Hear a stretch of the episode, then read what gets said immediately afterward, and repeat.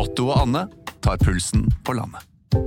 Ja, det gjør vi. Jeg heter Otto Jespersen, og hva var det du het igjen? Jeg heter Anne Grosvold, og hver uke har vi med oss en interessant gjest. Det har vi. Otto og Anne tar pulsen på landet, hører du der du hører podkast. Ready?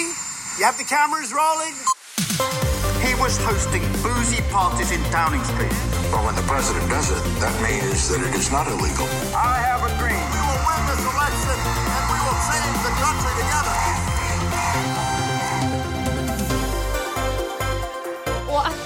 Ikke at du sitter og prater den samme tompraten over oss som dere har holdt på med i 505 dager. Det tar slutt nå! Velkommen. Velkommen, Mitt navn er Sofie Høgstøl, og mitt navn er Eirik Bergesen. og dette er vårt nokså uhøytidelige, veldig personlige forsøk på å gå bak ukas nyheter, lete etter sammenhenger, si noe om framtiden, på jakt etter det store bildet, slik vi ser det. Hver fredag. Ja, og velkommen tilbake, kjære lytter. Jeg føler at det er lenge siden jeg har sett deg, Eirik, for vi spilte jo en forrige episode tidlig. Ja. Så jeg, jeg har ikke sett deg på ti dager, det, det er for lenge. Nei, og dette er en uh, veldig personlig, veldig forkjøla uh, utgave av Det store bildet. Fordi etter at vi så hverandre sist, så rakk jeg så vidt å dra på vinterferie, uh, og blei syk. Nei, det er Ja. ikke, men er ikke det klassisk at eh, Nå er vi rett inn i det lille bildet, folkens, det er ikke det episoden skal handle om. Men, eh, men det er ikke det klassisk at man tar litt fri, og så får kroppen hvilt seg litt, og så blir man syk. Ja, fordi sånn eh, frilansere som meg, da, og du har jo noen fri- frilansføtter på deg, du også, vi har jo aldri tid til å være eh, syk, og vi er på en måte alltid på jobb, og på en måte, i hvert jeg da, jeg er aldri på jobb-følelse. Um, men Nei, og så bare jeg så tilbake på det, så, så Eller jeg er litt sånn midt i oppi det fortsatt. Uh, så på slutten av det, eh, så tenkte jeg som at jo, er det faktisk noen dager jeg har tid til å være litt syk, så er det nå. Og det var mulig, kroppen min tenkte også, der jeg satt oppe på hytta. Men eh, jeg rakk å gjøre mm, en, en kommunikasjonspodden, eh, og da må jeg innrømme at da satte jeg meg ned i den stolen. Det burde jeg ikke gjort, tror jeg, for da var hodet mitt bare ull. Eh, og så hadde jeg en veldig god gjest, Solfrid Flateby, årets taler, og ditt, årets stat, um, som, um, som er så proff og flink at jeg skulle, skulle snakke i tre kvarter om endringsledelse, som er ikke helt lett med sånn derre uh, influensa-tåkete hode. Eh, Så jeg bare endte med å bare sette inn en gang. Ja, men hva er egentlig endringsledelse? Og så tenkte jeg sånn at nå må jeg bare stole på instinktene mine, og så rir jeg liksom bølgen. og det gikk veldig fint, ikke minst for at hun er så proff som hun er. Men det er jo et sånt scenario hvor du føler at du som din, din ene hjernecelle som fortsatt er aktivitet, snurrer rundt sin egen akse, bare venter på at den skal liksom trå inn i det lille sånn derre hva heter det, sånn derre sporet sitt, og der kan du si noe. Oi, der var øyeblikket over, nå må den andre personen snakke igjen. var det den følelsen. Og, men så spilte vi også inn eh, Norske tilstander i går, eh, om den store saken som vi skal snakke om eh, i dag. Eh, det kommer vi tilbake til, men nemlig Fosen-dommen. Og da var det et eller annet med Da fikk jeg litt sånn den der eh, energien fra saken til jeg smittet litt over, så selv om jeg høres veldig grøtete ut på den sendingen, litt grøtete ut nå også, så, så er hodet tilbake på plass igjen. i hvert fall. Men dette har jo vært en stor uke for deg på privaten for kona di. Fikk jo en veldig gledelig nyhet denne uken. Ja, altså jeg er nå blitt professor eh, Hva heter Gemal? det? Gemal. Make. Make. Ja. Eh, så det er jo hyggelig. Ja. Eh, og Kona di fikk professorbruk, og det er ikke lett å få. Det, det Nei, vet jeg. Hun er altså Norges første professor i politisk kommunikasjon, så hun er jo på en måte eksperten i det jeg prater masse om. så det var enda mer symptomatisk at jeg ligger som en sånn manflu mens hun driver utnevnt til sånne voldsomme gjeve titler og så. Eh, så jeg, jeg kan tulle med dette her, for at hun hører uh, ikke på podden. Uh, som eh, når jeg konfronterer henne med det, så sier hun at altså, det å være gift med deg, Erik, det er som å være på Eirik Bergesens podkast 24 timer i døgnet. um, jeg prater visst mye utenom studio også, så vi hører på en gang, en gang innimellom. Vi får håpe at dette, Hvis du hører på nå, Bente Kalsnes, så det var veldig hyggelig. Jeg syns det var kjempegøy. Litt for det, jeg vet jo Jeg sitter jo også og får sånn press på når jeg skal søke professoropprykk, og det er jo mye jobb. Og det er, det er mye jobb å søke. Bare sette sammen søknaden tar tid. Og så skal det sendes til en komité som skal bedømme om du er kompetent. da. De skal bedømme om du har nok undervisningserfaring, om du har skrevet nok, om du har forskningsledelse, alle disse tingene. Det er ikke eh, det er, det, er ganske, det er en ganske stringent prosess, rett og slett, for å bli professor. Lurer på om du også må legge ved sånn bilder av deg i Syden med sånn statistikkbøker eh, på stranda.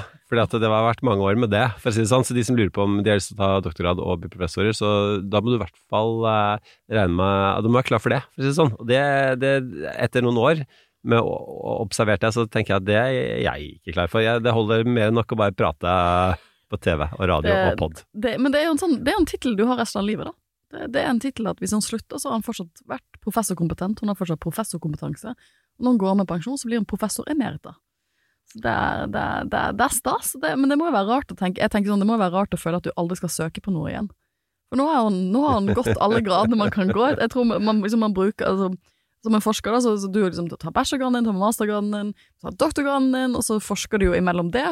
Og så altså, du, du må gå alle disse gradene, og så plutselig er det på toppen av stigen. Det, er- eller du kan jo bli rektor, da, men det er sånn, litt sånn annen type stilling. Det er jo ikke på bakgrunn av uh, din faglige kompetanse at du blir det. Det er jo litt sånn andre type kvalik kvalifikasjoner, da. Hun kan jo sikkert bli rektor.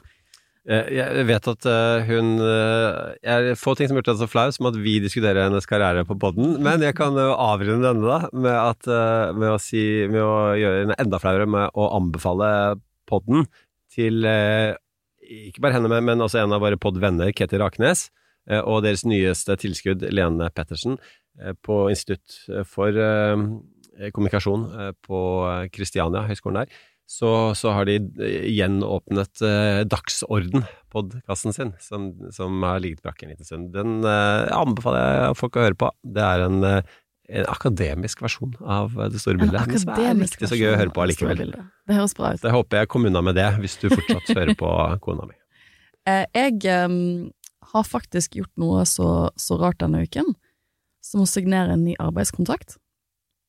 For selv om jeg fortsetter utad, kommer man ikke til å se at jeg har fått ny stilling, men jeg har egentlig fått ny stilling på Husen. Så på onsdag så signerte jeg eh, ny kontrakt for å bli Og jeg som applauderte, det var ikke så mye som det til seg selv.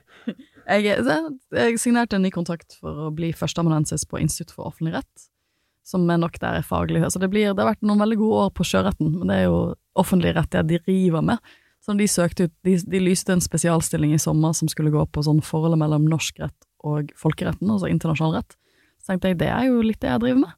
Så jeg søkte, og så ble fikk jeg jobben sammen med en god kollega av meg, Stian Øbe Johansen, som er superkul og superflink. Eh, og vi har liksom gått løpet eh, Vi har gått løpet sammen fra vi var stipendiater, så det var sånn, jeg ble litt sånn emosjonell da jeg signerte kontrakten på kontoret hans på onsdag, for vi har liksom Han var min første venn på fakultetet, han hadde begynt som stipendiat noen måneder før meg. Og det er jo ti, altså jeg begynte i oktober 2013, så det er ti år siden. Og det, jeg tror denne uken, eller forrige uke, så var det også ti år siden siden jeg søkte stipendiatstilling. Så da er liksom, det er slutten av, eller det er ikke slutten da, det er jo begynnelsen på et nytt kapittel, men det, er, det har vært et langt løp. Så, um, men derfor ble jeg på noen måter enda mer, for vi hadde egentlig en plan denne uken, og det var at vi skulle gjøre USA-politikk. For det som har skjedd i USA denne uken, er at man har hatt denne famøse CPAC-konferansen, som er en sånn konservativ eh, politisk treff, som er ganske viktig, som ble stifta av Ronald Reagan i sin tid. Eh, og det hadde vi en Urix-spesial om på onsdag. Um, for det, der skjer det ting, for der, der har ting blitt litt splittet i år, fordi at eh, noen av disse stjerneskuddene i det republikanske partiet har valgt å ikke være på CPAC, som har blitt veldig Trump-aktig de siste årene, de har valgt å gå et annet sted, og så har Ron DeSantis kommet ut med en Elsker at du fortsatt kaller Ron DeSantis. Og ikke minst Ron DeSantis. Ron DeSantis. Ron DeSantis. Um, han har kommet ut med en ny bok som jeg da faktisk har lest for våre kjære lyttere, sånn at dere ikke trenger å lese den. Uh, men når, når vi begynte å snakke om Det var liksom, det var tentative-avtalen, og så, tok, altså begynte vi å snakke om episode, hva vi skal gjøre i går, på torsdag. Jeg og ringte var deg sånn, på vei tilbake fra hjem fra studio på kvelden etter Norske tilstander, og, og bare sånn eh, Sofie, vi må ha Fosen-dommen. Ja, men, ja, men jeg har lest en hel bok av Ron DeSantis. ja, men, ja, men Sleepback, ja, men, ja, men Ronald Reagan. Og, og, og det var Altså, du var sjelden hørt noen så lei seg som det var som et barn du hadde tatt fra godteriet. Det er ikke lørdag, du får ikke mer godteri. Um, men du, du var jo kjapp da på, på, på så ja, Du er jo selvfølgelig også, som oss alle andre, det det er hele poenget. Vi, ingen av oss kan være uberørt av eh, Fosen-dramaet. Men før, før, før vi Men- går der, da, la meg Ja. bare si det. Altså, du, du, du kan ikke snike deg helt unna gratulasjonene og ovasjonene for en ny stilling, Sofie. Takk. Gratulerer så mye. Jeg er eh, for å si, Dette er bevis på at jeg ikke har akademiske komplekser. Jeg er omgitt av eh, eh, markedets fremste, sterkeste kvinnelige akademikere. Eh, både hjemme og ute. Eh, Men, men men, er, det lov, er det lov å si, forresten, Mm. at dette Mm. er konklusjonen, altså det at du fikk den jobben, på den leieopplevelsen du nevnte i poden for Ja. noen uker siden. Ja, for jeg syns Og det er ganske spesielt. Det er litt spesielt. Jeg synes syns, jeg, syns at, jeg syns at prosess Jeg sa jo for noen uker siden at jeg hadde hatt en litt sånn dårlig uke. Jeg syns at jeg gjorde det skikkelig dårlig på prøveforelesning. Jeg bare hadde en dårlig uke. Jeg føler jeg liksom hadde dummet meg ut. Dette skulle jeg kunne. Og prøveforelesningen i en stilling er litt desserttappen. Og jeg følte veldig sånn at jeg Og jeg har jo vunnet formidlingsprisen til, til UiO i fjor. Jeg burde jo kunne være flink til dette. Og så, så syns jeg at jeg, jeg gjorde det skikkelig dårlig. Jeg feilforklarer. Altså, jeg, jeg, jeg bare gjorde en skikkelig dårlig jobb. Men jeg, de har valgt gi meg stillinger likevel, så det, det er veldig hyggelig. og det tror jeg er fordi du nok ikke gjorde så dårlig jobb som du, du innbiller deg at du gjorde. Eh, og at de pushet deg litt hardere, og at det, det er litt sånn Er det litt sånn Nå har jeg aldri vært på, hatt en prøveforelesning for en eh, stilling, akademisk stilling før. Eh, ref akademisk Ja, kanskje er det et akademisk kompleks allikevel. Eh, men er det, er det litt som å være på Team Lauritzen, og fenriken kjefter på deg til ingen grunn? Er litt for å disiplinere deg? Nok, det er nok mye i akademia som er litt sånn. Jeg visste det! som Jeg visste er det. Sånn. Skal jeg sånn- bare se enda mer på Team Lauritzen, eh, og så skal jeg være klar for akademia, jeg også. Uh, nei, men, men, det, men når du da ringte og sa sånn vi må, du, må, liksom- du må gi oss en forklaring av Fosendommen, så var jeg sånn shit, nå har jeg nettopp signert en arbeidskontrakt hvor jeg liksom skal være en av to personer da, som har blitt ansatt på fakultetet. Det er jo andre, selvfølgelig, men som, som en sånn ny generasjon da, som skal liksom kunne forholdet mellom folkerett og norsk rett. Og jeg er ikke ekspert på urfolks rettigheter, så jeg, jeg, jeg gikk litt i kjelleren i går kveld, så da leste den, så kjæresten min ble jo sånn Han trodde vi skulle se på, se på TV sammen og kose oss, og jeg, liksom, jeg var sånn Nei, jeg må, liksom, jeg må, lese, denne, jeg må lese denne dommen. Og nå har jeg, kjære lytter, lest dommen. Jeg er, som sagt For nå skal vi begynne å gå inn Ja, la oss gå inn i det store bildet. Det store bildet er Fosen-dramaet. Eh, det som jeg er som jeg sa til deg i går òg, veldig veldig interessert i å høre en ekte, vaskeekte, nytilsatt eh, førsteamanuensis i juss snakke om, er hva, er, hva, hva dreier denne dommen seg om?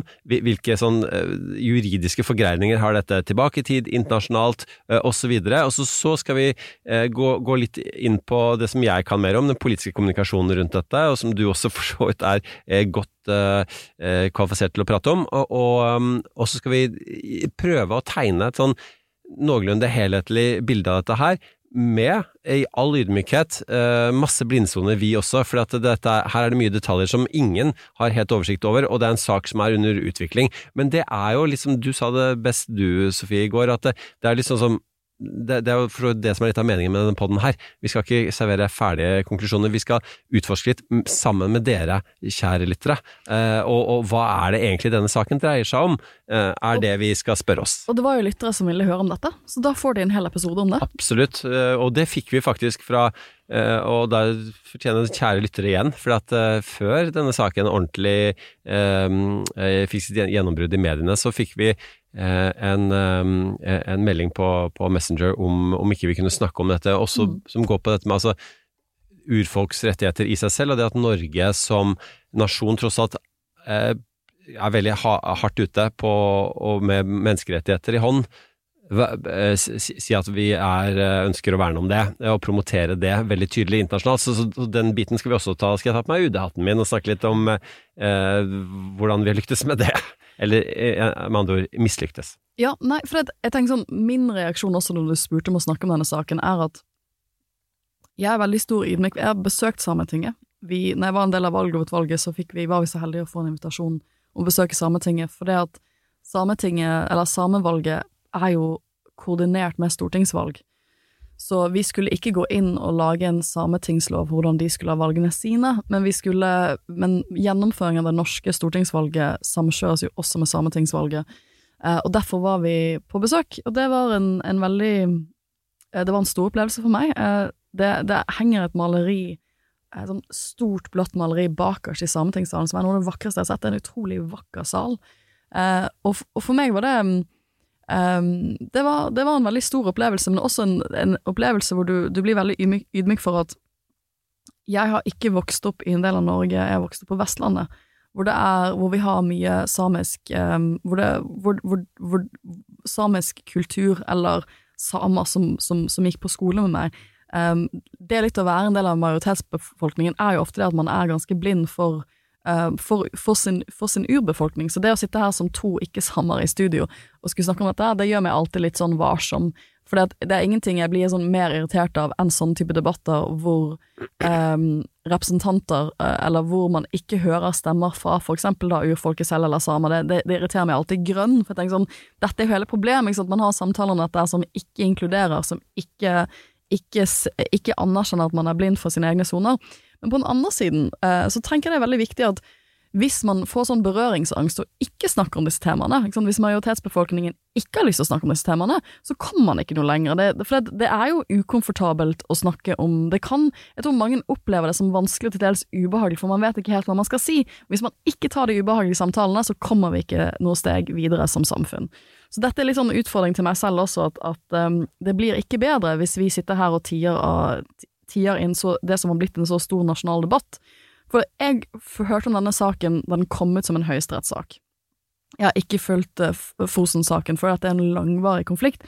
Og jeg tror kanskje det første, kan, første, stedet vi kan begynne sånn juridisk, som jeg tror er viktig, er at det opprinnelige søksmålet i denne saken her var ikke om staten hadde rett, eller om det var gyldig når staten ga en såkalt konsesjon eller tillatelse om å bygge vindparker. Det var ikke det originale spørsmålet i søksmålet. Men så etter hvert søksmål utvikla jo seg, så blir det sånn at for at domstolen, skal kunne ta stilling til det, det, ordentlige søksmålet for partene, så må de ta stilling til det opprinnelige spørsmålet. Var denne konsesjonen var det i tråd med urfolks rettigheter? Kunne egentlig staten gi tillatelse til å bygge denne vindparken på det bakgrunnen de gjorde?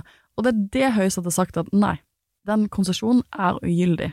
Og så er det jo selvfølgelig mange, mange ting vi kunne diskutert i forlengelse av det, men det er utgangspunkten for den striden vi er i nå. For de har sagt, vet du hva, det, liksom, det, det var et kronglete søksmål som har munnet ut i en høyesterettsdom som kom i oktober 2021, hvor Høyesterett sier at denne konsesjonen Jeg synes at konsesjon er sånn vanskelig altså, Det er ikke like med når jeg skal formidle jus, at man bruker veldig mange liksom, unødvendig vanskelige ord, men det er egentlig bare en tillatelse um, til å, og lov og rett som man gir til deler av næringslivet om å bygge ut et område.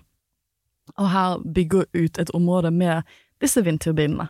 Um, og den, uh, det de gjorde der, var i strid med urfolks rettigheter, og det skal komme tilbake til hvordan det var i strid med, men det som er, det som, er, uh, det som har gjort dette til en såpass stor sak, de kommer ut med dette i oktober 2021, og da har allerede vindparken blitt bygget. Dette er jo en gammel juridisk strid som stammer tilbake fra sånn 2010 eller noe sånt, men i, i løpet av, mens dette har gått som um, mens dette har gått, uh, gått, seg opp gjennom rettssystemet, så har jo man bygget ut hele vindparken. Og det er jo ikke en liten vindpark, dette. Den er mega, megastor. Det var en av de tingene jeg, jeg, jeg, lærte denne uken. Jeg var ikke klar over hvilket sånn størrelseomfang det er på denne vindparken i Fosen. Um, og da sitter jo staten i den situasjonen at Høyesterett har sagt at dette, dette, det er selve tillatelsen til å bygge denne vindparken, akkurat som det er nå, strider med denne delen av eh, en av FN-konvensjonene om menneskerettigheter som vi har tatt inn i norsk lov. Det er en spesiell paragraf? Det er en spesiell paragraf, paragraf 27, og nå har jeg funnet den på norsk, sånn at jeg eh, kan sitere den på, på et språk som kanskje er litt mer tilgjengelig.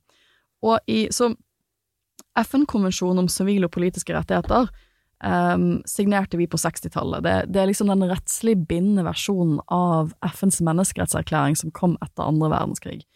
Og i artikkel 27 der så står det at i de stater hvor det finnes etniske, religiøse eller språklige minoriteter, skal de som tilhører slike minoriteter ikke nektes retten til, sammen med andre medlemmer av sin gruppe, å dyrke sin egen kultur, bekjenne seg til å utøve sin egen religion eller bruke sitt eget språk.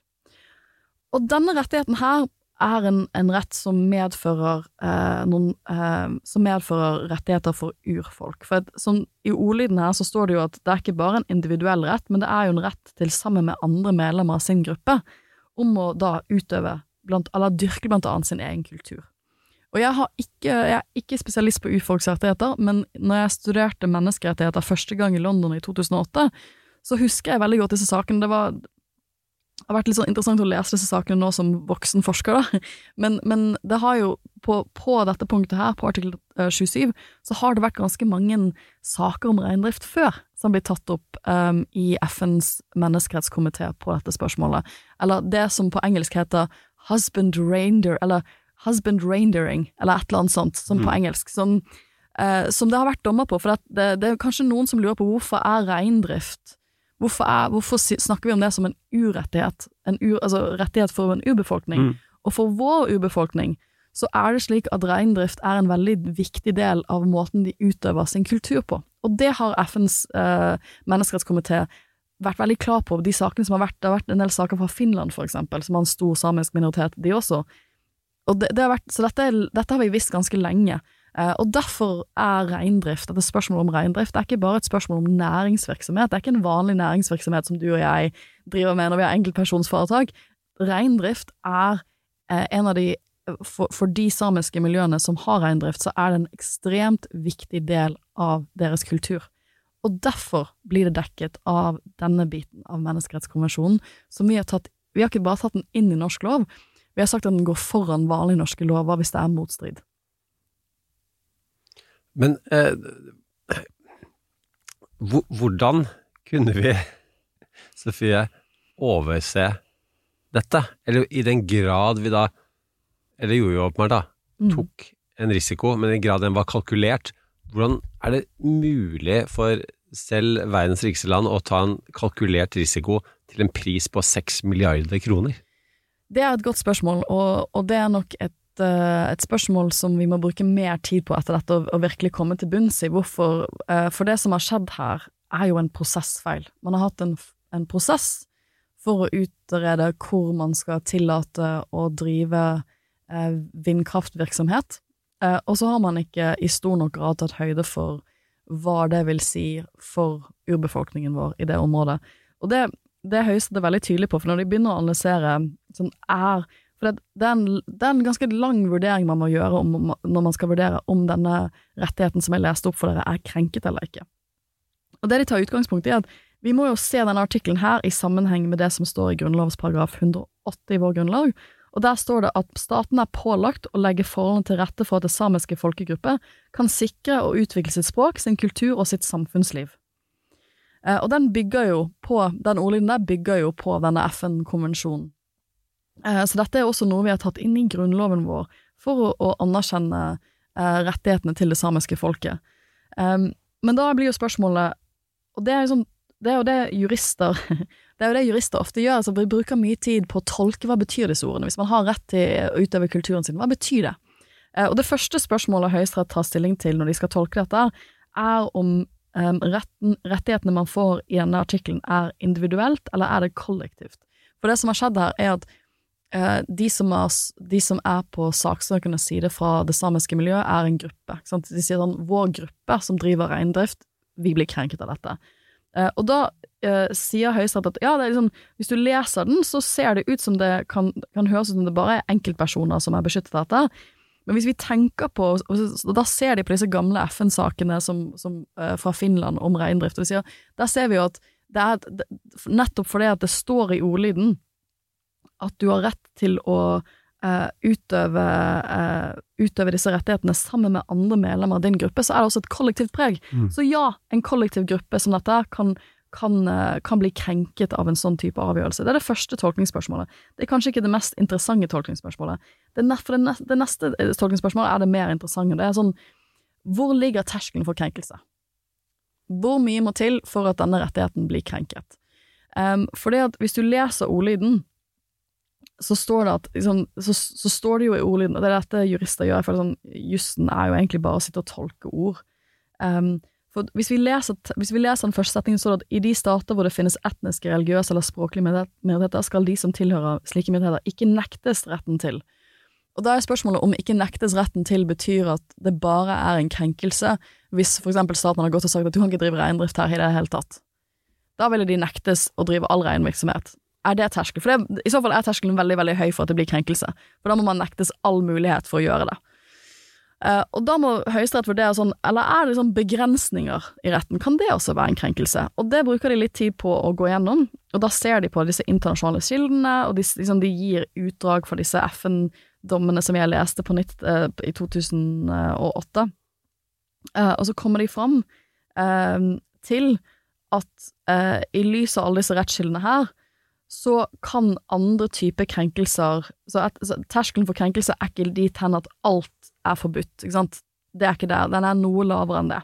For dette, det, det vi snakker om her, er jo Når vi snakker om Fosen-saken, så snakker vi om en eh, debatt om hvor skal terskelen gå for at noe blir krenket. Det at man har vindmøller i noen deler av reindriften deres, er det nok i seg selv til at man krenker menneskerettighetene. For dette er sånn, det er jo akkumulert, ikke sant? Sånn at eh, vi snakker om en grense her nå, og- det, når de snakker om Mm. avbøtende tiltak nå, så ønsker man å avbøte sånn at man kommer Under. under krenkelsesgrensen, eh, eh, sånn at ikke menneskerettighetsbruddet da blir eh, utløst. Ja, for det, Eller at den fortsetter å pågå. Det var som en student spurte, hva, hva betyr avbøtende tiltak? Og det betyr egentlig at staten gjør ting som demper krenkelsen, sånn at krenkelsen kommer under terskelen, sånn at det ikke lenger kan kalles et menneskerettskrenkelse.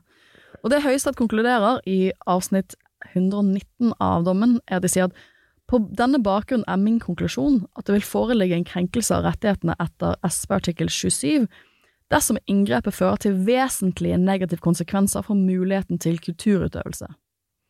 Inngrepet kan i seg selv ha, uh, ha så store konsekvenser at det foreligger brudd, men innvirkningen trenger ikke å være så alvorlig som i de andre avgjørelsene. Uh, sant? Inngrepet må, må ses i sammenheng med andre tiltak, både tidligere og planlagte. Den samlede effekten av tiltakene er avgjørende for om det foreligger en krenkelse. Mm. Og Det er det som er debatten, ikke sant? at du må se på samlet sett hva er det som blir gjort der, og den samlede konsekvensen av det du har gjort, er at, um, at, det, at det vil føre til vesentlig negative konsekvenser for muligheten til å utøve kulturen sin her da reindrift, så er det krenkelse. Men som dere ser, det er ikke noe eksakt vitenskap her. Eh, Med andre ord, juss er ikke en eksakt vitenskap. Nei, det er det ikke. Eller ikke bare politikk heller. Eh, Eller bare tolkeord, som du sa i stad, Sofie. Men før, før vi går på det avbøtende tiltakene, før vi går på hva regjeringen nå gjør, og hva de bør gjøre, la oss fortsette litt på hva, hvordan dette her faktisk skjedde. Eh, Fordi Ja, for du har dykket skikkelig ned i dette. ja, eh, vi hadde jo program om dette, som sagt, da, på Norske tilstander på TV 2, ligger ute fortsatt. Og den Og da prøvde vi å finne en annen inngang enn alle andres, eh, og vi eh, Så vi gikk gjennom veldig mye som vi da også måtte forkaste. Men vår vinkling da var, var dette på, som gikk på Uh, Som egentlig er den der veien videre, da, som handler om på måte, hva, hva har dette å si for grønn uh, vekst fremover? Ikke sant? Hva, er det sånn at vi knapt kan bygge vindmøller uh, på bakgrunn av dette her? Eh, hvordan kan vi liksom sånn unngå nye, like dyrekjøpte erfaringer? Og så hadde vi med oss eh, eh, Kristin Halvorsen, SISO-direktør, tidligere SV-leder og statsråd her og der, som, som var en, en fantastisk stemme å ha i en sånn debatt, for at hun er såpass åpenhjertig om, om alt hun har gjort før som politiker, og også så faglig eh, fundert på alt som har med, med, med klima og, har med, og som hun sier at, at det er jo altså, Den kampen kommer vi til å ta, måtte ta igjen og igjen og igjen. Her er det masse konflikter fremover. Mm. Eh, det er jo ikke bare vindmøller, det er mineraler, det er, det er, det er, det er masse, mye annet som Det er mye berører ut- urfolk. naturressurser i dette Ikke området, sant? hvor det vil kunne reises samme type spørsmål. Ja, og så ehm, eh, og, og, og, det, og det er eh, Men, men, men, det, det som hun da når vi da spør henne Men hvordan kunne det skje, i utgangspunktet? Altså begynnelsen på det så sier hun bare sånn altså, Man gjorde ikke hjemmeleksa si, og, og med mann så inkluderer hun også seg selv. For at hun var også statsråd da dette skjedde eh, opprinnelig. Det var Erik Solheim som ga den konsesjonen um, som miljøvernminister. Og, og for å si det sånn det, alt dette ble ganske unisont applaudert uh, back in the day, og det gjelder all vindmølleutbygging og vindturbiner, da, som det i realiteten er. Fordi eh, for, man, man, man, så ikke dette. Eh, men så er jo det poenget med dette, den blindsonen, altså fasiten har vi fått. Det er det norske samfunnet har en blindsone på samer og urfolk. Det er, det er jo den eneste konklusjonen på dette. Og så er spørsmålet på hvordan det kunne skje. For at disse konsesjonene som, som du snakker om, disse tillatelsene, da sitter det noen og prosjekterer.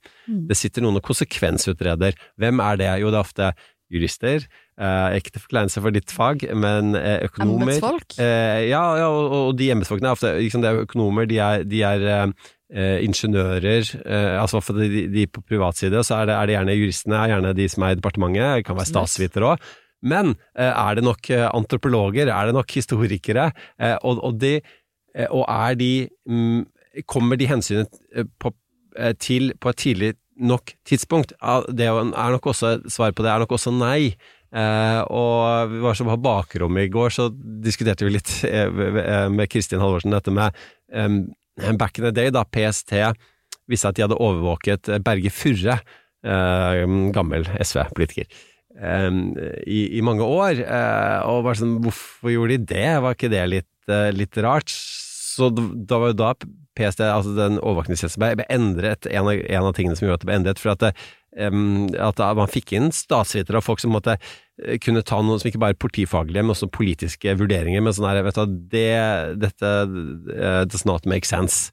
Um, hun var helt sånn enig i den analogien, da, og, og at, også enig i at man burde ha Altså, man, man må ta mer hensyn. Man må bare få dytta det inn i huet en gang for alle eh, at eh, vi har en urbefolkning, eh, og de har sine rettigheter. De rettighetene lar seg ikke vurdere økonomisk.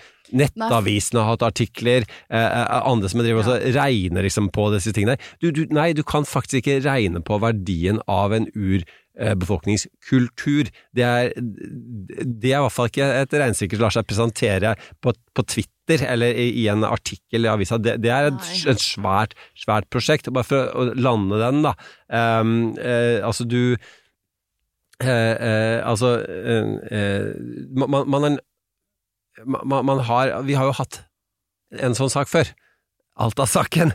Altså, tilspissa seg virkelig på slutten av 70-tallet, som da handla om vannkraft. Regner med at mange, mange husker den. Ikke sant? Og, og, og- og det ble jo en sånn katarsis i, i norsk eh, samepolitikk, som da, hvor du fikk denne sameloven som du nevnte i stad. Du fikk Sametinget, som, som du har til besøkt. Ikke sant? Og, og, og det, Og det fikk vi av en grunn, ikke sant? for man skjønte at hva, vi har ikke gjort dette ordentlig. Nå må vi sikre flere organer hvor de har reell politisk innflytelse, eh, får en reell stemme. Sant? Studentene spør, mine spør meg også hvorfor har vi Sametinget. Ja, Det er det veldig gode menneskerettsgrunner til at vi har. Eh, og dyrkjøpte erfaringer. Men allikevel så havner vi der vi er nå. Og så- Og det spørsmålet er liksom hvordan hvordan klarte vi det? Og der er jo, det er jo ikke bare den nåværende regjeringen som, som er skyldig i det. det, det var, eh, altså, dette skjedde jo da høy- Høyre sentrum-regjeringen eh, satt i posisjon, altså denne dommen Alle regjeringene her, det er, har vært, det er litt sånn, på noen måter litt fint, alle har vært med på dette. Mm. Alle politiske fløyene har vært med på dette, og det har blitt feil. Det er mordet på Orientekspressen. Ja. Alle er skyldige. alle har vært med på dette. Det har blitt, det, liksom, alle har vært med på at det til slutt ender i Høyesterett uh, med at det blir feil.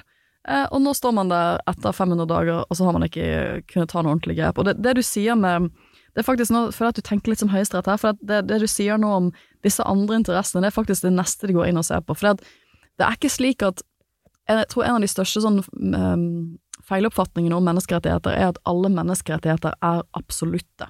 De fleste menneskerettighetene er såkalte relative rettigheter, og det betyr at staten kan gå inn og begrense dem, eksempel overvåkning. Sant?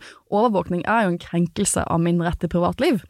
Men vi skjønner at i noen tilfeller så har staten det vi på det menneskerettsspråket ville kalt legitime formål, for eksempel det å, eh, eh, det å passe på at det ikke blir terror eller sikkerhetsutfordringer, som gjør at de kan gå inn og overvåke og begrense ditt rett til privatliv. Men når, det kommer til dette, når det kommer til artikkel 27 av denne konvensjonen, så er det ikke sånne type så, så er den absolutt. Den kan ikke krenkes ut ifra sånne type Eller kan ikke gripes inn i ut fra sånne type um, hensyn.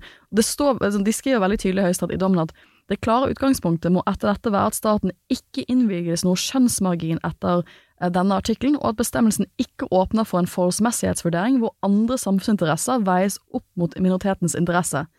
Dette er en naturlig følge av begrunnelsen for bestemmelsen, der minoritetsbeskyttelse vil bli lite effektiv hvis flertallsbefolkningen kunne begrense den ut fra en egen vurdering av sine legitime behov.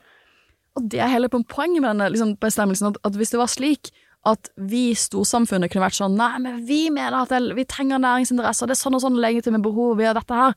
Så ville alltid, nesten alltid urbefolkningens interesser vike for den type interesseavveining. Og det er Høyesterett ganske tydelig på, og derfor er ikke dette en relativ rettighet, det er en absolutt rettighet hvor staten ikke har den type det vi ofte kaller for skjønnsmargin, eller for, uh, kan si at det er en forholdsmessighetsvurdering.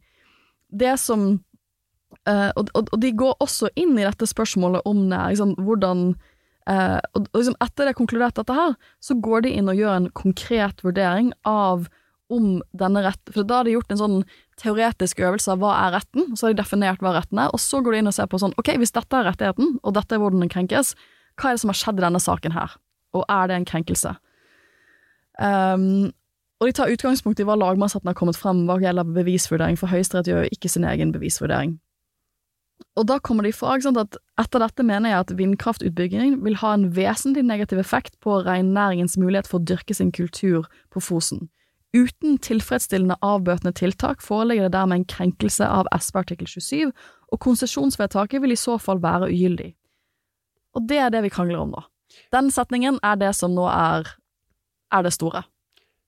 Um, det, det er veldig interessant dette, dette med altså majoritet, minoritet, og samene er en så liten minoritet, dessverre, eh, relativt sett, at det majoritetssamfunnet kan overkjøre de hvis man ønsker, hvis man ikke ser verdien av ikke bare antallet, men, men, men eh, kraften i, i, uh, i deres um, uh, opphav, deres rolle i dette landet, tidligere og nå og fremover, så, så, så, så går dette her veldig, veldig galt. Eh, jeg skal anbefale, vi skal få oppsummere alt dette her og legge inn i episodebeskrivelsen eh, på spilleren, eh, men anbefale en annen pod om dette her, Kammerset av Vårt Land, som er en veldig fin pod,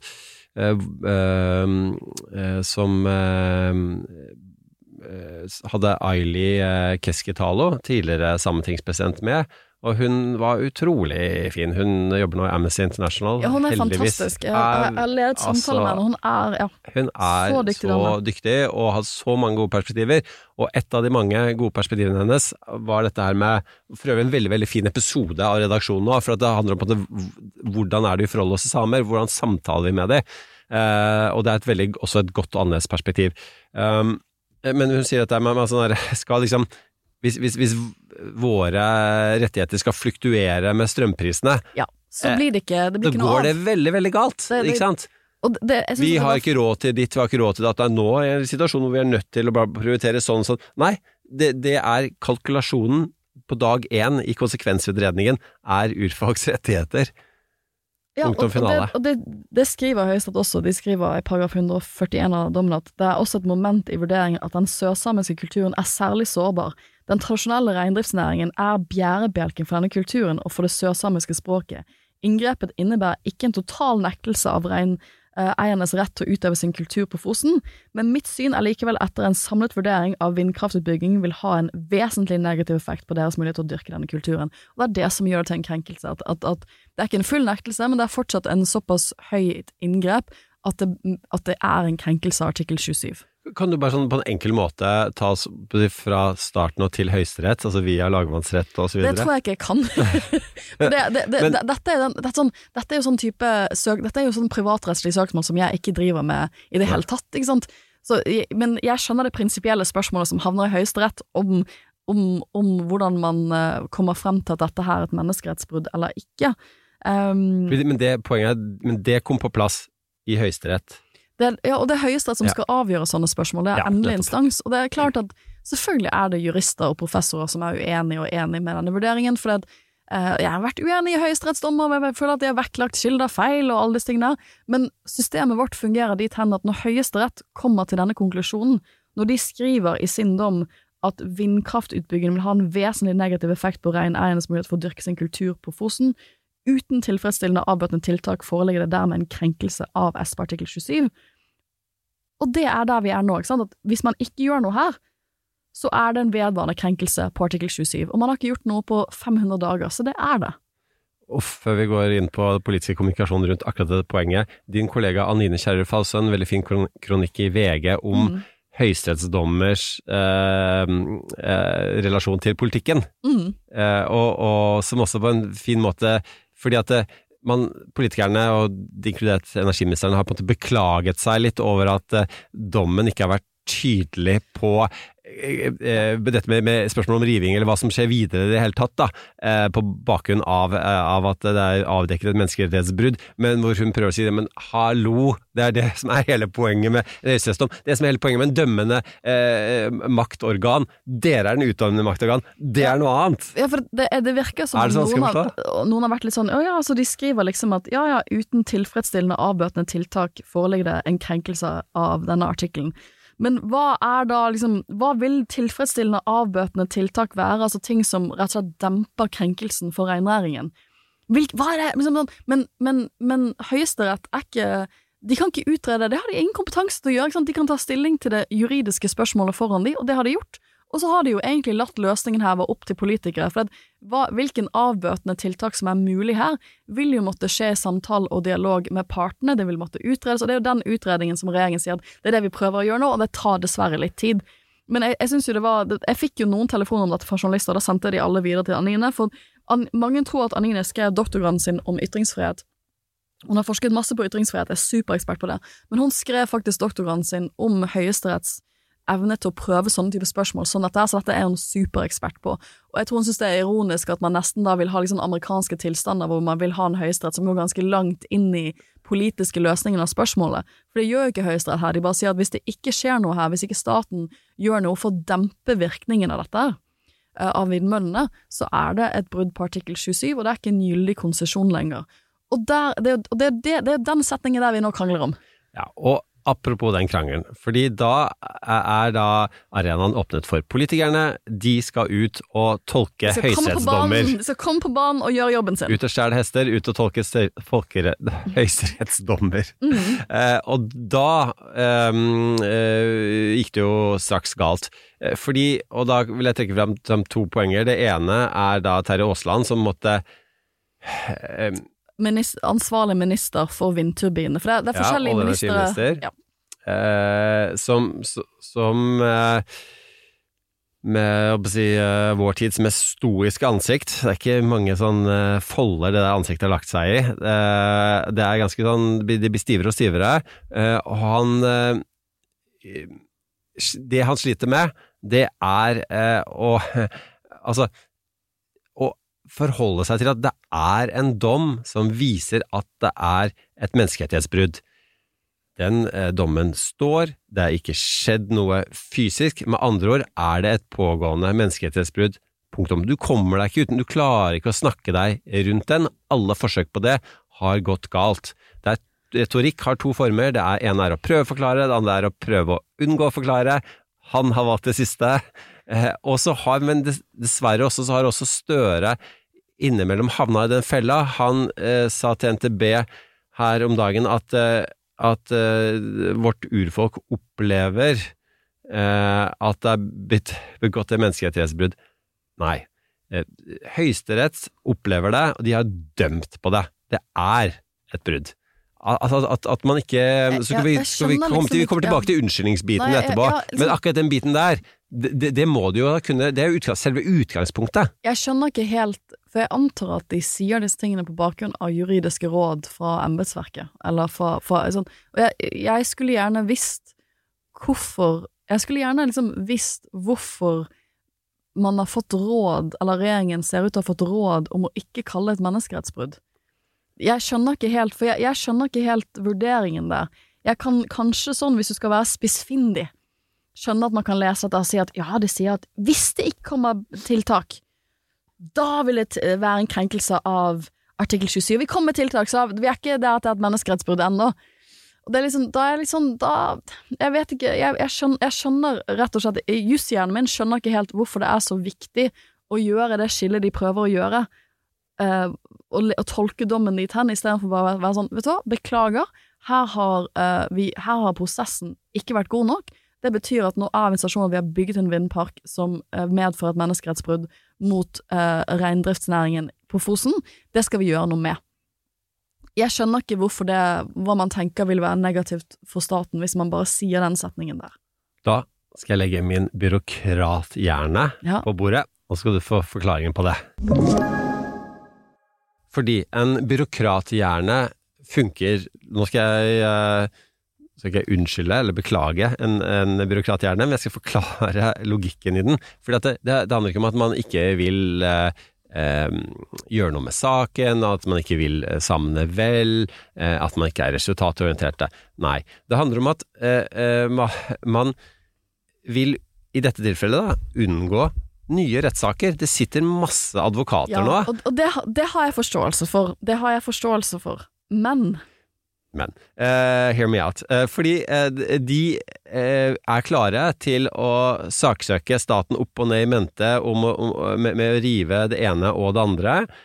Um, basert på, på eksempel en, en unnskyldning som går for langt i den ene retningen, den andre retningen, et, et, et innrømmelse av menneskerettighetsbrudd på den ene og andre måten.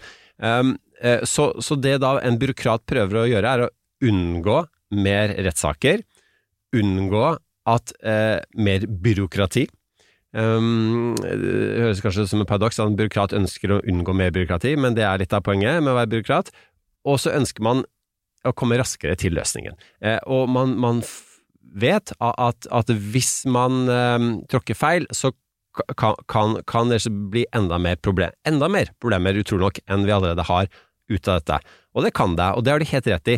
Men hva er da politikernes jobb? Nå skal jeg legge eh, den politiske logikken på bordet. Fordi eh, politikeren eh, får disse rådene, ja, men politikeren og det, det er lærdom nummer én når du blir statsråd. Du er ikke byråkrat. Du skal ikke gjøre alt som byråkratene ønsker at du skal gjøre. Du har en annen rolle. Jobben din er ikke prosessen, jobben din er å løse problemer. Sånn at, eh, og det innebærer en risiko, og den risikoen må du akseptere. Eh, og det har de ikke vært villige til å gjøre fram til nå, eh, fordi da må du faktisk en, enten uansett hva som kan skje, du må si at det er pågående menneskerettighetsbrudd. Du må eh, beklage, om du skal si unnskyld eller ikke, mm, eh, eh, men du, du skal i hvert fall beklage. Eh, og så kan du si at, at, at de er, der er de sånn noenlunde nå, men hvorfor all verden land, land og rike tok det så lang tid? Eh, fordi altså ett, en uke, eh, det er ganske lenge i en sånn sak, og da er det oppå 500 dager hvor det tilsynelatende ikke skjedde noe. Ja, byråkratene har surra rundt i det stille, som byråkrater gjør, i de 500 dagene, men da må en politiker i løpet av den tiden si at vet du hva, nå må dere faktisk gi meg resultater her. Eh, fordi dette er eh, en sånn throwback til min eh, situasjon da jeg var en av disse personene som uttalte seg til pressen fra sekretariatet til utenriksministeren. Og, en journalist ringte hei, hva skjedde den saken? Jeg ringte til en ekspedisjonssjef, spurte hva skjedde den saken. Ekspedisjonssjefen sa masse. Ja, hva da? Vi har skrevet tre rapporter, vi har hatt ti møter, to konferanser, bla, bla, bla. Men det er bare prosess. Hva har de konferansene, rapportene, møtene ført til? Og, og det er jo også det offentligheten spør seg i denne saken her. Og der har de fortsatt ingen gode svar. Og jeg ser nå at uh, mens vi sitter og spiller denne podden, så har jo Jonas Gahr Støre møtt uh, en del av aksjonistene og hatt fokusmøte med dem. Uh, og der har han eh, fått spørsmålet De samiske ungdommene er veldig opptatt av at regjeringen skal si at dette er et pågående menneskerettsbrudd. Vil dere si det nå? Hvis ikke, hvorfor vil dere ikke si det? Og så har han da svart ja, denne dommen den slår fast at konsesjon, sånn som den er gitt, krenker de rettighetene som samer har- etter konvensjonen vi skal følge og at det er et brudd på menneskerettighetene, så svaret på det er ja.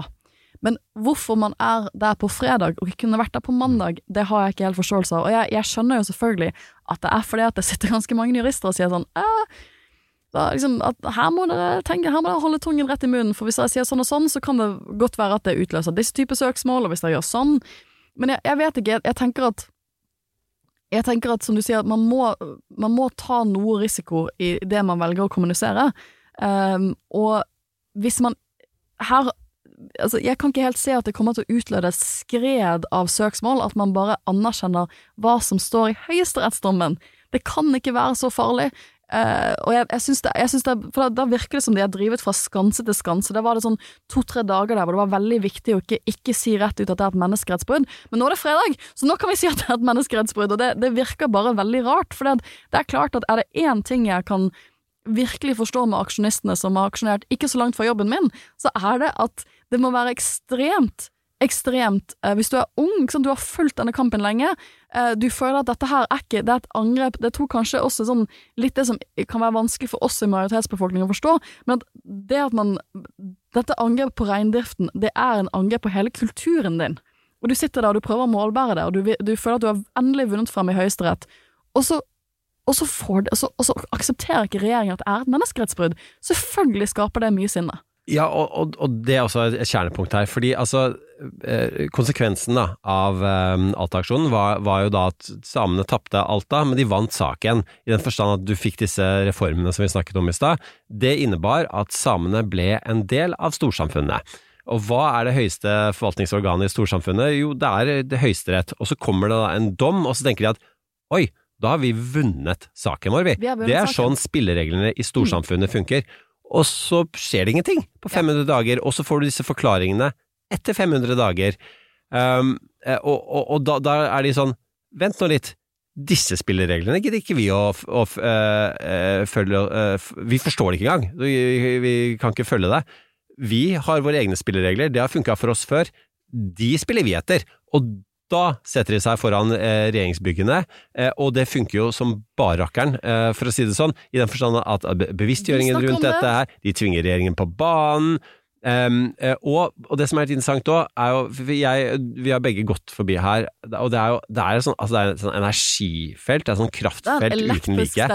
Det er, det, er, det er en helt spesiell opplevelse. De som har muligheten til å gjøre det, eh, gå dit og se selv hva det er for noe. Eh, Og når liksom Marit Boine drønner på med, med tromma si der utenfor, da, da, da snakker vi eh, eh, altså, og, og det som, som tross alt, da, som Kristin Halvorsen sa, dette er jo også et tegn på demokrati. Dette er også et sunnhetstegn i et demokrati.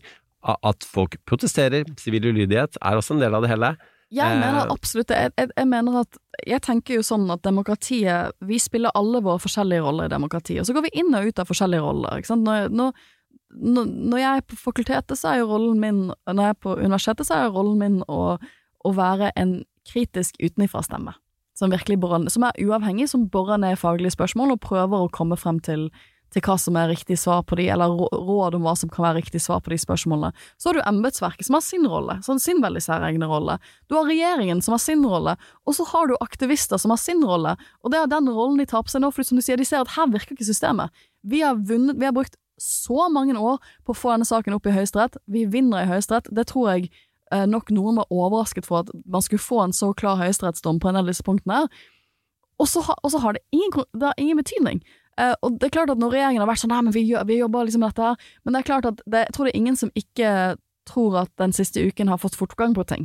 Dette har funket som bare det, og det viser hvor viktig det er å bruke de forskjellige virkemidlene man kan i et demokrati. Og la oss se på den ene caset, apropos de ulike rollene. Fordi eh, alt dette er perfekt illustrert ved Ella Marie Hetta Isaksen, altså hovedpersonen i det som skjer utenfor regjeringsbyggene nå, og hovedpersonen i den kinoaktuelle filmen La elva leve, om nettopp Alta-aksjonen. Um, og, og Og hun balanserer da sine to identiteter på eh, så langt at hun, hun vinner Stjernekamp uh, for noen år siden, som jo er et, program som, som handler om å vise registeret i sin eh, kunstneriske, musikalske virke. Um, og, og det, viktig, det som også er liksom viktig her, er at um, i Alta så var samene ble mobbet, de, de følte seg skamfulle, de var flaue, de, de turte knapt å si at de var samer, mange. Eh, og så gjorde hele den saken noe med de, og nå, de vi ser nå, de er ikke flaue, de er så stolte. Det er en annen generasjon. Det er en ny annen generasjon. Og, og, det, og det også hun er et perfekt forbilde for det. Og så sitter hun da utenfor der og demonstrerer, og så kommer eh, nevnte Terje Aasland bort med nevnte retorikk, unngå å forklare retorikken, setter seg tilsynelatende ned, men litt over eh, disse, og, og prøver å forklare på den, apropos disse rollene, eh, sin side av saken. Og, og hvordan gikk det, Sofie? jeg er jo ikke retorikkekspert, men jeg syns ikke det gikk så bra. Jeg hadde noen kollegaer som var i området da, og de, de, jeg tror de også sånn, de sa at liksom, han prøver å sitte seg ned, men han, i og med at han har ingenting å komme med, han, altså, han skjønner ikke hvem han snakker med. Han snakker ikke med en stortingspolitiker. Han snakker ikke med et regjeringsparti. Han snakker ikke med en kommunefolkevalgt. Han snakker med, øh, han snakker med aktivister. Han snakker med unge aktivister, og deres rolle være, i dette spillet her, er å være unge aktivister som er veldig tydelige på sin sak. Og det å da sette seg ned og prøve å gi en sånn, sånn vag forklaring at ja, men vi må snakke med partene. Og det er hans rolle, det er til dels hans rolle som statsråd. Han- Han må høre alle partene, han må prøve å få i gang en prosess som ivaretar alle de tingene som skal skje i en statlig prosess rundt forvaltningsvedtak og rundt konsesjonsvedtak, men de er ikke interessert i det. Det er ikke derfor de sitter og, og demonstrerer. Og da har du liksom, da har du bare total Når du ikke forstår hvilken akt, Jeg føler at man forstår ikke hvilken aktør man snakker med. Når man ikke forstår at man snakker med en aktivist, så, så faller den kommunikasjonen helt platt. Altså, eh, eh, hva er, er, er, Trenger vi litt, litt sånn rant-vignett men du, her her du må Fordi møte hennes på hennes premisser, og hennes premisser er å sitte der og si at dette her du gjør mot meg, det er et, det er et menneskerettsbrudd, og det er svært alvorlig for min kultur. Og det er det de sitter og roper utenfor regjeringsbyggene. altså, vet han hvem Ella Marie Hætta. Isaksen er? Altså, han tro, hva tror han kommer til å skje av at han går ned dit, setter seg og skal prøve å Uten å komme med noe nytt. For jeg føler sånn, det var, det var Han har ingenting å nytt, si. Det var ingenting nytt å komme med. eh, eh, Han har ingen forståelse av eh, eh, deres posisjon, som, som hun selv sier. Er det noen som ikke skal ta reindriftssamenes eh, Sak i sin munn, Ja. så er det deg. Al- al- Altså bare at det, det går så galt som det kan gå. Jeg har sjelden sett en politiker bli avkledd mer noen gang. Jeg tror, jeg tror hvis han hadde satt seg ned der, og som du sier, satt seg ordentlig ned, og sett de alle inn i øynene og si at jeg har kommet hit for å si at det som skjer nå er et pågående menneskerettsbrudd, og jeg beklager at vi ikke har at det har tatt 500 dager. Demokrat, demokratiske prosesser i Norge tar ofte lang tid, men dette er uakseptabelt. Vi skjønner det.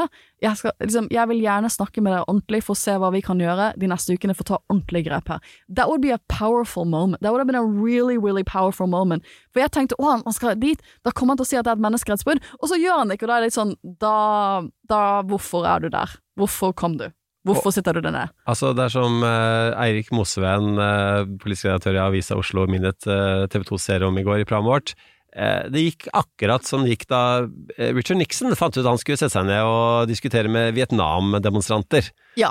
Altså bare, altså for du, det, Jeg liker veldig godt det bildet ditt med disse ulike rollene man spiller, eh, fordi man har ulike hater, men eh, eh, de skal altså ikke møte hverandre på feil arenaer. Eller da går det premiss. veldig galt. Ja, og det litt, for det er litt sånn som Jeg tenker på det sånn, når man ser på en straffesak. Sant? Du har forsvarsadvokaten som skal virkelig ta den rollen fullt ut. De skal gjøre alt de kan for sin klient, for at, han skal, for at den, den straffe eh, Den skyldige, eller den personen som er i en straffesak, skal føle at de får den beste saken levert foran domstolene for å vise deres uskyld.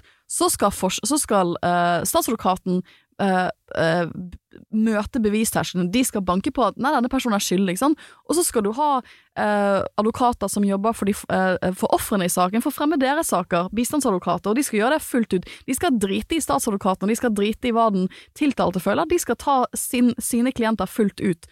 Og så skal du ha en dommer som skal prøve å nøste opp dette. Og demokratiet og rettsprosessen funker hvis alle gjør jobbene sine fullt ut. Eh, og det er litt det samme som jeg tenker sånn, Det Ella Marie er, er at hun er på mange måter en bistandsadvokat for ofrene her. ikke sant? Hun sitter der, og hun skal ta deres sak fullt ut, og da er hun ikke interessert i å høre om at ting tar tid. Hun er ikke interessert i å høre om at ting er vanskelig, at det er vanskelige interesseavveininger her. For det skjønner jo alle at det er. Hun er interessert, hun har kommet helt dit, hun har invitert Greta Thunberg for at det skal bli handling. Og um, min favoritt-tweet blant mange, og mange av denne aktuelle personen også, er Hans Wang. Uh, som, for at dette er pågikk en stund, den der diskusjonen mellom eh, Aasland og aktivistene, som han skrev her. Uh, jeg tror fortsatt at Terje Aasland greier å snakke seg ut av dette med utenfor OED. altså bare sånn der, for det, altså Noen må jo ha trodd det. Det må ha vært bakgrunnen for at uh, Jeg, jeg tror sikkert at de trodde at det ville Jeg skjønner jo litt at du har lyst til At det er en måte å vite, vise respekt på at vi kommer og møter dere, vi har lyst til å snakke med dere, vi har lyst til å sitte oss ned og høre hva Ja, dere har å si. jeg ser at det var hensikten. Jeg tror det var hensikten, og det har jeg veldig stor respekt for, men jeg tror også Men da, når du da ikke kommer med noe nytt, eller du ikke uh, kommer med noe tydeligere enn det du har gjort før, eller noen avklaringer, så er ikke Aktivistene er ikke interessert i å høre samme setninger som du har sagt i flere uker før dette. Det er ikke derfor de aksjonerer nå, de aksjonerer nå for å få fortgang i det, og, og, og det er jo litt av den spagaten man står i nå. Aksjonistene utenfor regjeringskvartalen er veldig tydelige på at det de ønsker, det er at alle disse vindturbinene fjernes. At det er en måte å reparere dette her på. Og det er nok litt av den Det er derfor dette er politisk vanskelig, fordi at um, det Høyesterett sier ikke fjern alle vindturbinene. Det er ikke det de sier i dommen. De sier jo at det må være avbøtende tiltak, at man må gjøre ting her. Men det er ikke nødvendigvis slik at det vil være å fjerne alle vindturbinene. Og da er man jo inne i den politiske spagaten vi snakket om, at det er eh, Da må man finne løsninger som reindriftsnæringen på Fosen kan leve med, eh, som kan være avbøtende nok til at vi kommer under nivået hvor det er et menneskerettsbrudd, og man kan gå videre. Men der er nok frontene veldig steile. Eh, og jeg skjønner veldig godt at hvis du føler at du har måttet ta denne saken til Høyesterett, uh, at du ønsker at nå må dere bare fjerne hele driten. Men, jeg, men jeg skjønner også veldig godt at staten er litt sånn Det kommer til å koste så mye penger, og det er ikke nødvendigvis det vi er rettslig forpliktet til å gjøre. Vi ønsker å finne andre løsninger. Og det, det er nok litt av grunnen til at saken har stått i stampe i 500 dager. Ja, men altså, her, er vi inne på et begrep fra diplomatiet som heter eh, public diplomacy, Ja. som handler om at uh, du må eh, I gamle dager, da, så tradisjonell diplomati, så var det to stater som snakket sammen, og så skjedde alt på, på kammerset, og så signerte man med, med blekk eh, og, og skålte i champagne, og så var saken eh, ferdig. Men, men så, sånn er det ikke lenger, fordi at eh, med 24-timers media og offentlighetens eh, behov for, for innsyn i saker, så må du begynne å selge politiske løsninger til offentligheten før blekket har tørka i traktatene. Eh, og det lærte USA eh, the hard way på, um, under eh, 11. september, hvor altså de hadde all, all verdens beste relasjoner til eksempel Saudi-Arabia. Hvor kom eh, disse um, flykaprerne fra? Jo, aller mest eh, først og fremst fra Saudi-Arabia. Eh, Med andre ord, de hadde ikke The Arab Street, eh, de hadde ikke en dialog med de.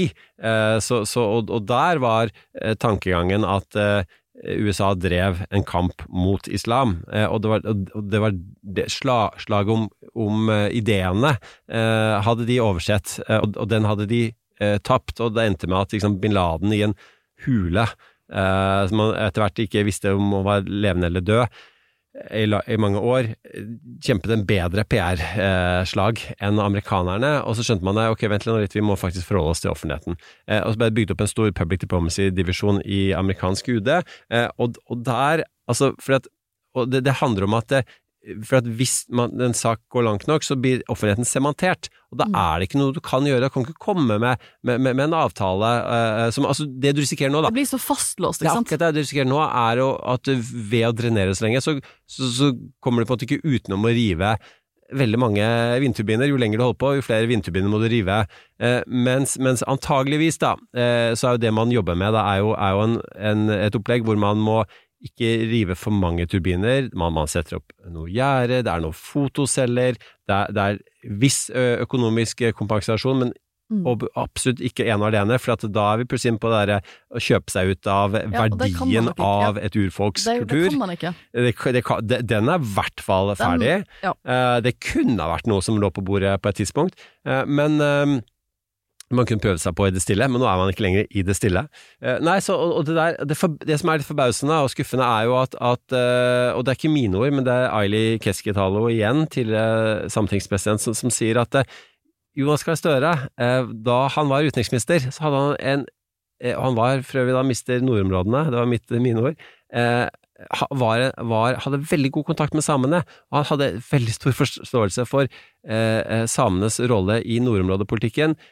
På samme måte som ah, balanserte med, med, med russere, amerikanere, kinesere osv. Eh, dette er jo mannen som eh, sto bak dialog med UE. Dette er mannen som, som, som avsluttet delelinjeavtalen. Dette er mannen som hvor er dialogen her? Altså, er det noen som, som burde få til dette, så er det han.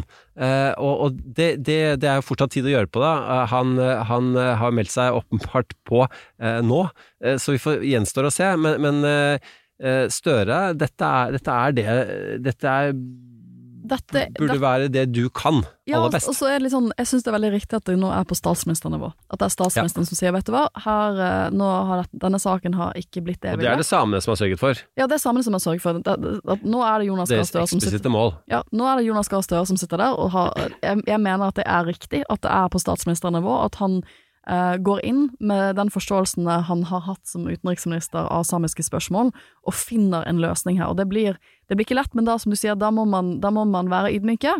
Og man må være ydmyke for at dette har blitt veldig feil. Eh, å bruke ord som at det er et pågående menneskerettsbrudd, er kanskje da en veldig fin måte, en, en fin måte å vise den ydmykheten på fra statens side. For det som det, Nå skal vi gå inn for landing her, folkens, men det, det som nok gjør dette en veldig, til en veldig sensitiv tid, er jo at det foregår en ganske stor prosess eh, som bakteppe her, og det er jo at eh, Dagfinn Høybråten har blitt bedt om å lede eh, en, en, eh, en av Stortinget, om å lede en komité som er en sånn sannhets- og forsoningskommisjon, og da er vi inne i min sånn forskningsfelt, Ja. transitional justice, for det, det er ikke sånn at det bare er rettsoppgjør man kan bruke for å komme til eh, for, at, eh, for å forsone seg med at det har vært grove vedvarende, eksempel menneskerettsbrudd. Men det er også andre mekanismer, en av de er en sånn sannhets- og forsoningskomité, eller det vi, kommisjon, eller det vi kaller på engelsk Truth and Reconciliation Commission. Og det, det, nok, de, det er nok mange av våre lyttere som vil assosiere det med det som skjedde i Sør-Afrika etter slutten på apartheid. For da sto man liksom i Sør-Afrika i en spagat, det skjønte Nelson Mandela. Han var en klok politiker som skjønte at hvis vi gjør et massivt rettsoppgjør her mot alle de som har vært med på apartheidsregimet, så vil det være vanskelig for oss Det kommer til å være så polariserende og splittende at det blir vanskelig for oss å gå videre, for det vil måtte være ganske omfattende, for det er mange som har vært med på dette. Så hvis vi skal få til en eller annen form for rettferdig overgang her, så må vi bruke litt andre virkemidler, og da hadde de nedsatt de en sannhetskommisjon som skulle egentlig komme til bunns og dokumentere hva er det som egentlig skjedde under apartheid, hva var forbrytelsene, um, når skjedde hva? Og jeg tror at oss jurister, kan, det kan godt være at vi, vi, vi for, kanskje litt for ofte tenker at å, liksom, rettferdighet er å få det konstatert i en dom. Men det man, man gjerne ser gjennom sånne typer prosesser, og det, det har vært sannhets- og forsoningskommisjoner i andre land som har hatt urbefolkninger, dette er en mekanisme som andre land også har tatt i bruk, i Canada for eksempel, for det er en måte å avdekke for å få en ordentlig sånn historical record, et historisk forståelse av hva er det vi har gjort som majoritetsbefolkning, hva er det egentlig som har skjedd her, um, og det er en måte å, å få til den type forsoning uh, og forståelse ved bare å avdekke hva er som er sannheten her. Og den rapporten kommer um, til sommeren, men Dagfinn Høybråten var ute for noen uker siden uh, og var veldig tydelig på at den fornorskningsprosessen som vi vet har vært der, som vi vet kommer til å være en stor del av denne rapporten, den pågår fortsatt. Og at han har vært veldig tydelig på at liksom, de kommer til å dekke, dekke en del av norgeshistorien som ikke har vært avdekket tidligere og kanskje diskutert av majoritetsbefolkningen. Så dette er en litt sånn sårbar og sensitiv tid, for vi vet at det kommer, og da er det helt krise at vi vet at en sånn type um, sannhetskommisjon skal komme ut med rapporten sin. Vi vet at jeg, jeg, jeg har hørt om denne her kulissene. Jeg, jeg tror at det kommer til å bli ganske stygt, det som blir avdekket. Jeg tror at vi, vi kommer til å måtte ta et ordentlig oppgjør med den fornorskningsprosessen som vi har hatt mot samene, og som fortsatt pågår uoffisielt, tydeligvis, en del steder. Det, det, kommer til å være Da må vi som majoritetsbefolkning reelt sett gjøre et forsøk på å, å, å ta inn over oss den realiteten, og da kan vi ikke samtidig ha en sånn type sak eh, som Fosen-saken. Da må vi faktisk eh, vi, det, dette, ja, dette, dette, er ikke dette, Derfor tror jeg denne sak, Fosen-saken blir ekstra betent når det skjer et sånn type bakte, bakteppe, hvor vi prøver å ta et lite oppgjør med hva som har skjedd historisk. Og det er jo noe sånn original sins i samfunn. Eh, Vi kjenner jo godt til, eh, til hvordan det tar seg ut i USA, med, med slavedrift og manglende eh, evne til å ta et historisk oppgjør med det. Eh, og, og noen ganger klarer man aldri å ta et endelig historisk oppgjør med det. Så, sånn er det historien utvikler seg. Men, men eh, det blir veldig spennende å se, eh, og, og det er ingen tvil om at alt som skjer nå, eh, skrevet inn i denne rapporten her, for å si det sånn, og, og You're Being Watched, for å låne noe amerikansk her, og, og det er det, det er de nødt til å forstå, for at det, det her um, For de, de blir jo den Ja. regjeringen som mottar den rapporten, og Mm. som Dagfinn Høybråten sa til, til VG i februar, han sa at vi har hatt mange elementer av forsoning etter fornorskningen, som kongens beklagelse til samene. Det har mange opplevd som forsonende, og etter Alta-saken skjedde mange tiltak som har opplevd som forsonende. Men det store oppgjøret har uteblitt. Mm. Det er hva vi legger grunn, grunnlag for nå. Så dette er en større ting som skjer i samfunnet vårt, og det, det er ikke det at vi skal jeg, jeg tror det alltid er veldig viktig å være sånn Det er ikke det For sånne prosesser er alltid vanskelig, og da, da er vi litt inne i det spørsmålet vi fikk om hva gjør dette, denne saken for Norge som menneskerettsaktør internasjonalt? Og det, det er et vesentlig element der, for det vi ofte ber andre samfunn om å gjøre, det er veldig vanskelige ting. Ikke? Vi, vi ber andre samfunn internasjonalt om å respektere menneskerettighetene og beklage når de har gjort noe feil, og, forson, og ha ordentlige forsoningsprosesser for å erkjenne de feilene som har blitt gjort. Og det er ikke lett. Ikke? Jeg forsker på disse spørsmålene. Det er kjempevanskelig. Det er kjempesensitivt. Eh, Det bringer opp masse følelser. Det vil nok være folk som føler at nei, nå, nå ber du oss Nå ber liksom nå skal vi som majoritetsbefolkning føle mye skam på dette for noe de fleste av oss ikke har vært direkte involvert i. Og det er ikke det egentlig sånne forsoningsprosesser ber, ber om i det hele tatt. De ber om anerkjennelse og ydmykhet. Eh, og vi kan ikke reise rundt og drive menneskerettsvirksomhet i utlandet, som vi liker å smykke oss ved, og så ikke. Eh, det er ikke så ofte vi får høyesterettsdommer hvor det konstateres den type menneskerettsbrudd. Da må vi walk the talk. Da må vi vise at det greier vi å håndtere på hjemmebane. Det er ikke lett, det er sensitivt, det er vanskelig, masse interesser, men vi greier å gjøre det på hjemmebane før vi reiser ut og ber andre samfunn om å gjøre eh, handlinger som, vi, som tydeligvis vi syns er ganske vanskelig å gjøre selv. Og, og, og, det er, eh, og det er jo der vi er nå, etter en uke med dette, etter en uke med Greta Thunberg utenfor regjeringskontoret. Altså, det bare- var som å se en superstjerne. Jo, men jeg må bare, si, si at uh, hun fant sin rolle uh, i den forstand at uh, hun tok ikke mer plass enn en, eh, hun trengte for å få fram det internasjonale perspektivet her. Hun drar dit for å vise verden hva som skjer, og legge det ekstra trykket på. Um, og det var en sånn artig passiar hvor, hvor politiet kommer der og spør um, Er det greit at jeg snakker norsk, er det noen andre som uh, snakker andre språk her?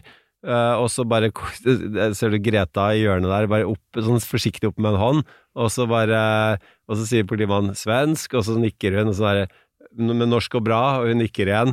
Uh, og, og de, det er et gemyttlig, uh, smilende passiar, og det var, jo fint å, å se.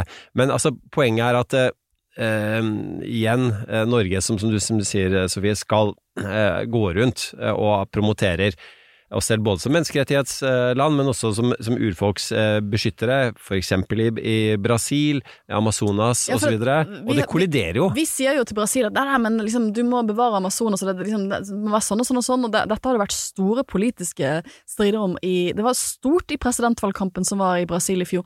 Dette, det, denne tanken det, det er liksom det som eh, man kan le litt av, er at denne tanken om at det er en ny problemstilling at næringsinteresser til majoritetsbefolkningen eh, eh, At det blir vanskelig når det skal bute opp mot urfolks rettigheter. Sånn er det alltid. Det er det alle stedene der er urfolk. Dette, dette, disse debattene, det er akkurat det som er eh, debatten i Amazonas, og da ber vi de Vi har jo gitt, gitt de penger for å bevare en del av disse områdene, for å ikke utvikle de for næringsvirksomhet, det at de har blant annet da en egenverdi for deres urfolk. Da kan vi ikke Da, da må vi faktisk gjøre det samme på hjemmebane. Er det en hatt jeg ikke har lyst til å ta på meg nå, så er det omdømmeeksperthatten. Men det er et omdømmetap her. Den er, sorry, den er kjempestor, og den kommer til å ta tid å gjenopprette. Og vi kommer ikke helt i mål på dette heller, fordi Norge har to blindsoner, det vet norske diplomater der ute, eh, nemlig oss som olje- og gassprodusent, eh, og vårt forhold til eh, samene, som utlandet er veldig klar over eh, at vi har feilskjøtet over lang tid, og vi på ingen måte er i mål på, på noen av de. Vi har mye å bevise på begge områder, eh, og vi, er, vi har rukket flere hakk tilbake når det gjelder vår måte å beskytte urfolket på, eh, og, og dessverre så er det kanskje litt tydeligere utenfor norske grenser enn det er her, men det har i hvert fall blitt tydeligere eh, også her. Og jeg har lyst til å avslutte bare med Jeg noterte meg her i dag morges, våkna og hørte på Nyhetsmorgen på NRK, eh, og så hørte jeg som en person da, som kom med disse formuleringene her. Um, denne avtalen var for vanskelig for oss å videreføre. Vi forsøkte noe helt nytt, det ble for vanskelig for oss. Vi har høstet noen erfaringer Ehm, jeg er godt fornøyd med at vi har kommet hit, og at det har kommet en avklaring. Det har vært krevende for oss, og det har vært krevende for dem. Er det Terje Aasland som endelig kommer med en innrømmelse overfor samene, eller er det Vibeke Fyrst Hagen i NRK som kommer med jeg vet beklagelse til Sofie Elise, i hvert fall en avklaring rundt Sofie Elise.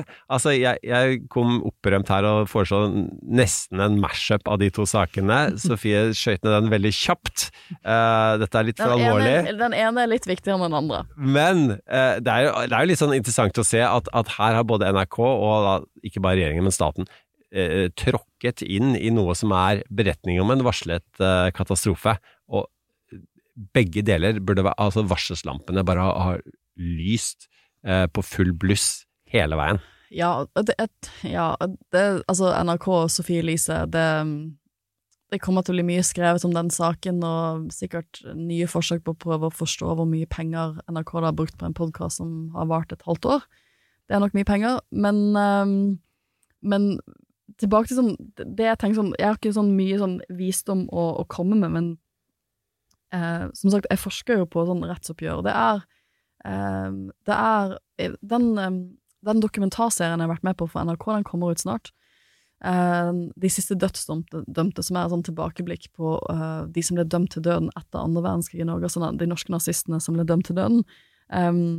Og jeg, det fikk meg til å tenke igjen på det. Og det er sånn, det er jo, jeg er veldig spent på hvordan det blir, kommer til å bli mottatt. For det nok, vil nok være sensitivt for noen at vi at eh, dokumentaren prøver å ta, ikke deres perspektiv, da, men prøver å nyansere uh, det rettsoppgjøret. Uh, og det er jo begynner å bli 80-90 år siden det skjedde, men det er fortsatt sensitivt. Og er det én ting jeg har lært av å, å forske på det, disse temaene, er at disse liksom, liksom forsoning, anerkjennelse av skyld eller ansvar, er alltid vanskelige spørsmål, selv om det kan være historisk 80 år siden eller 50 år siden, så, det, så skaper det masse indre kjensler. Men det er kanskje det vi må gjøre når vi kommer til sånn type arbeid som samfunn, er at jeg prøver alltid å tenke at man skal gå inn i det med litt ydmykhet, med åpenhet og en villighet til å lære. Her skal jeg lære noe nytt, ikke sant? Eh, og, og en ydmykhet for at vi gjør alle feil av og til. Det, man var ikke nødvendigvis en ond person. Jeg tror ingen i embetsverket har prøvd å være onde ved å, å lage denne konsesjonen. Men som du sier, så har man vurdert litt feil, og det skjer, jeg gjør feil hele tiden. Så det skal man bare være superydmyk på, at her gjorde man litt sånn feil, og så gå inn med det sånn, hva er det jeg kan lære av denne prosessen her? Og det er litt det NRK som prøver å gjøre her. Så hvis, de, de, NRK sier at sånn, vi prøvde på noe nytt, noe nytt, det funket ikke. Og som jeg sa som kommunikasjonsperson i UD den gangen eh, til mine kjære kolleger, er at eh, det gikk alt denne gangen her, men det er jo ikke, er jo ikke vi skal ikke være altfor Du skal ikke være altfor uh, lei deg, fordi det, det er jo eh, Vi har gjort vårt beste på vegne av eh, nasjonen, eh, og det er jo ikke vi selv som, som eier UD, eh, eller vi selv som eier NRK. Eh, Så her er det dessverre Norge som har dritt seg ut igjen og igjen. Jeg syns din avslutning var bedre enn Jeg, jeg hadde tenkt å gå veien via hvilke avbøtende tiltak man kunne se for seg med Sofie Elise. Eh, vi skal Det- ikke dit. Det Eh, finner nok Sofie Elise ut av når de lanserer podkasten på en eller annen kommersiell aktør for mye mer penger. det tror jeg er, er i gang allerede, og vi skal heller ikke Jeg skal heller ikke lansere sensitivitetslesere av, kon, av konsesjonskontrakter. Eller eh, kontrakter med influensere fra statskanaler. Men kanskje er det et sted man hadde trengt det, så var det det. Eh, en større oppmerksomhet eh, burde man åpenbart hatt. Ja, en av, ydmyke, sånn, en av de tingene jeg har tatt innover denne uken, som jeg har tenkt mye på, er sånn at, at, at same, sam, samerett er jo et obligatorisk fag ved, i Tromsø, men det er ikke det i Oslo. Mm. Og det faget, det store andreårsfaget jeg underviser, sånn folkerett, menneskerettigheter og eh, statsrett, hvorfor har vi ikke større elementer av det? det tok jeg, hvorfor har vi ikke større elementer av samiske rettigheter inn i den undervisningen? Det skal jeg tenke litt på. Jeg har lært noe, det betyr ikke at vi har vært dårlige mennesker når vi har designet pensum, det har ikke vært det. Men vi kan tenke litt på hvordan, hvordan tar vi dette videre. Og en av de tingene, for vi utdanner jo masse jurister som skal inn i masse embetsverk. For å tette igjen den blindsonen, så kan vi være flinkere til å ta samiske rettigheter på pensum og gjøre den til en del av den obligatoriske undervisningen, også i Oslo. Og med det, ukas på- og avkobling.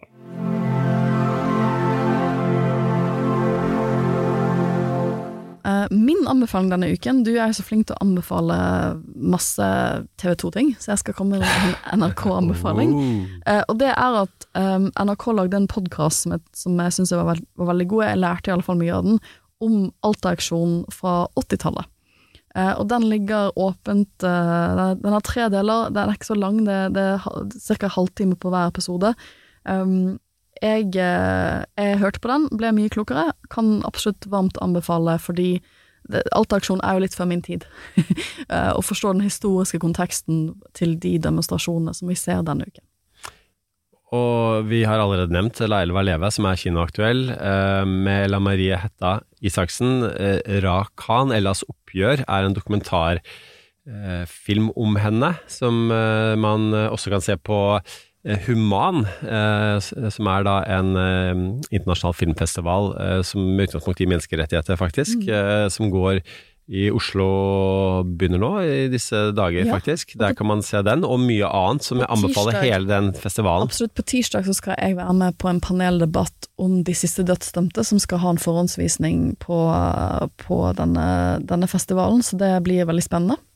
Og så nevnte, jeg har allerede nevnt Kammerset, som er vårt lands eh, politiske podkast, som hadde en veldig bra episode om dette, med, eh, om saken, men som også har mange andre bra episoder. Det er Emil André Erstad, eh, Berit Aaborg og Lars Inge Stavland som eh, leder den. Den eh, kan anbefales. De er flinke til å finne litt andre typer vinklinger enn alle andre politiske pratepodder.